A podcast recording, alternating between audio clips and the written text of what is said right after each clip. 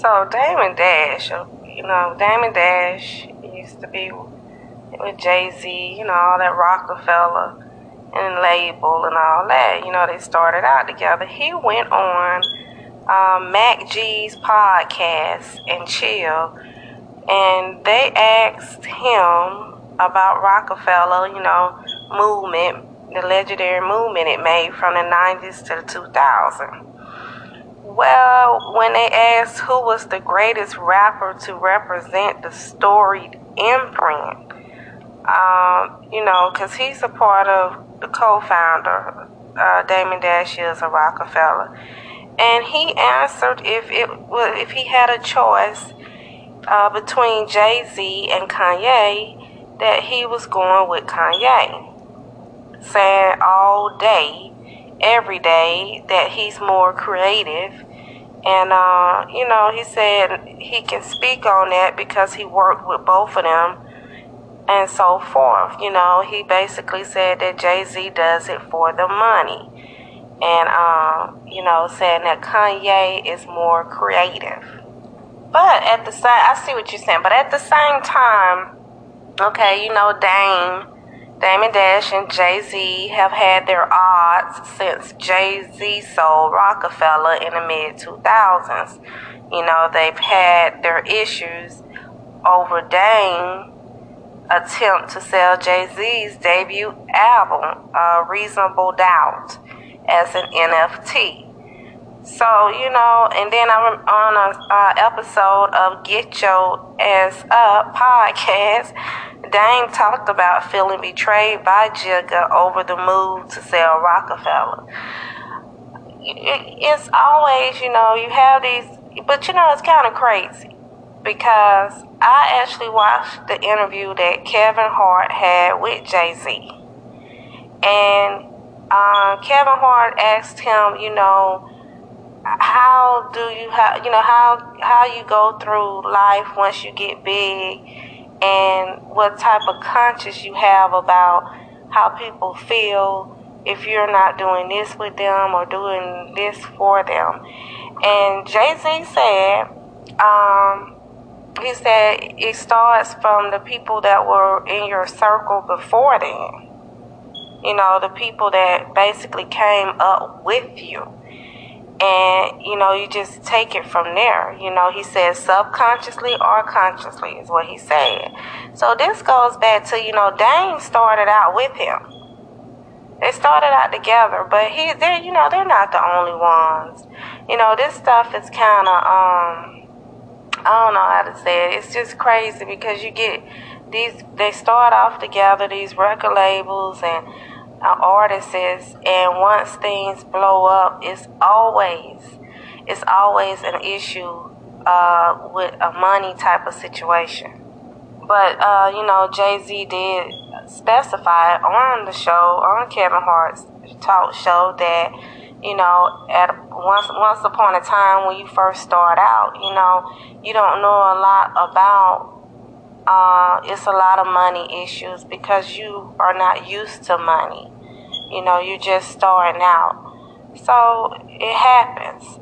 It happens.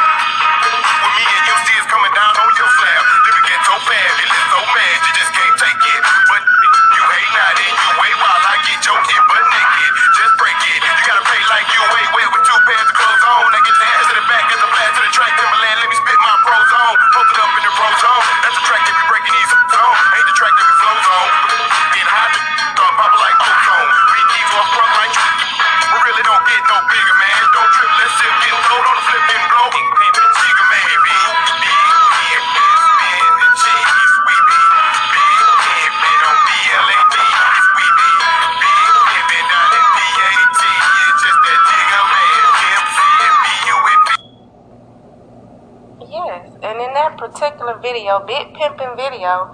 Damon, they're all on the boat partying. Damon Dash popping champagne bottles. You know, they're doing their thing and everything. And years later, it's here it is.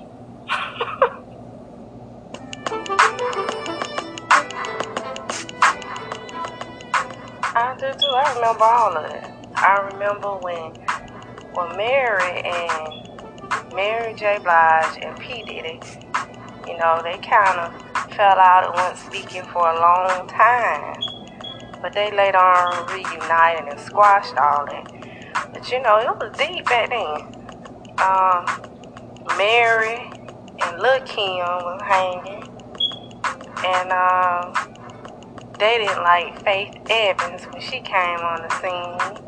Uh, apparently, apparently Faith supposed to be taking Mary's place. You know how people talk and all that. But Mary said, you know, Mary went hard back then. And Mary was like, it'll never be another Mary J. Blige, you know. But uh, then, you know, Lil Kim supposed to be messing with Biggie but yet that was her homeboy from the hood. You know, it was just it a lot of drama was going on. I even remember the video. Now this video, that video was to get money or whatever. You know, Biggie supposed to be mad at Faith for uh something to do with Tupac in a club talking to Tupac. And he even made a video. He had the lady dressed up just like Faith. And he was just throwing her clothes and stuff all out across the balcony. And Lil Kim and Mary in the video laughing about it. You know, it just was so much drama. so much drama and mess, you know. But, uh, it was crazy. And then you had uh, Charli Baltimore. I don't know what happened to her. She just no longer was in the scene. I don't even know if she was on Bad Boy label or not. But she supposed to been going with Biggie, saying she know what they had. It don't matter what nobody else say. She know. it was a lot of uh, confusion on that label back then, but you know, all labels have a lot of situations, such as Death Row too. Um, but yeah, no, Tupac, it was going around saying, you know, Tupac made that song. He was like, that's why I F your wife. So, you know, Biggie got mad about it. But Faith Evans, she was on a show. I think it's, you know, remember when the Tavis Smiley show used to come on BET? And she said that she doesn't know what that was about. because all she did was they seen each other in a club, held a few words together about doing some music together, and that was it. But you know, when two record labels are at each other and that's your man, you probably need to be talking to that man about none of that. Cause he used that against you know, I guess he used that against Biggie back then, but everybody grow up. You know, everybody grows up in life.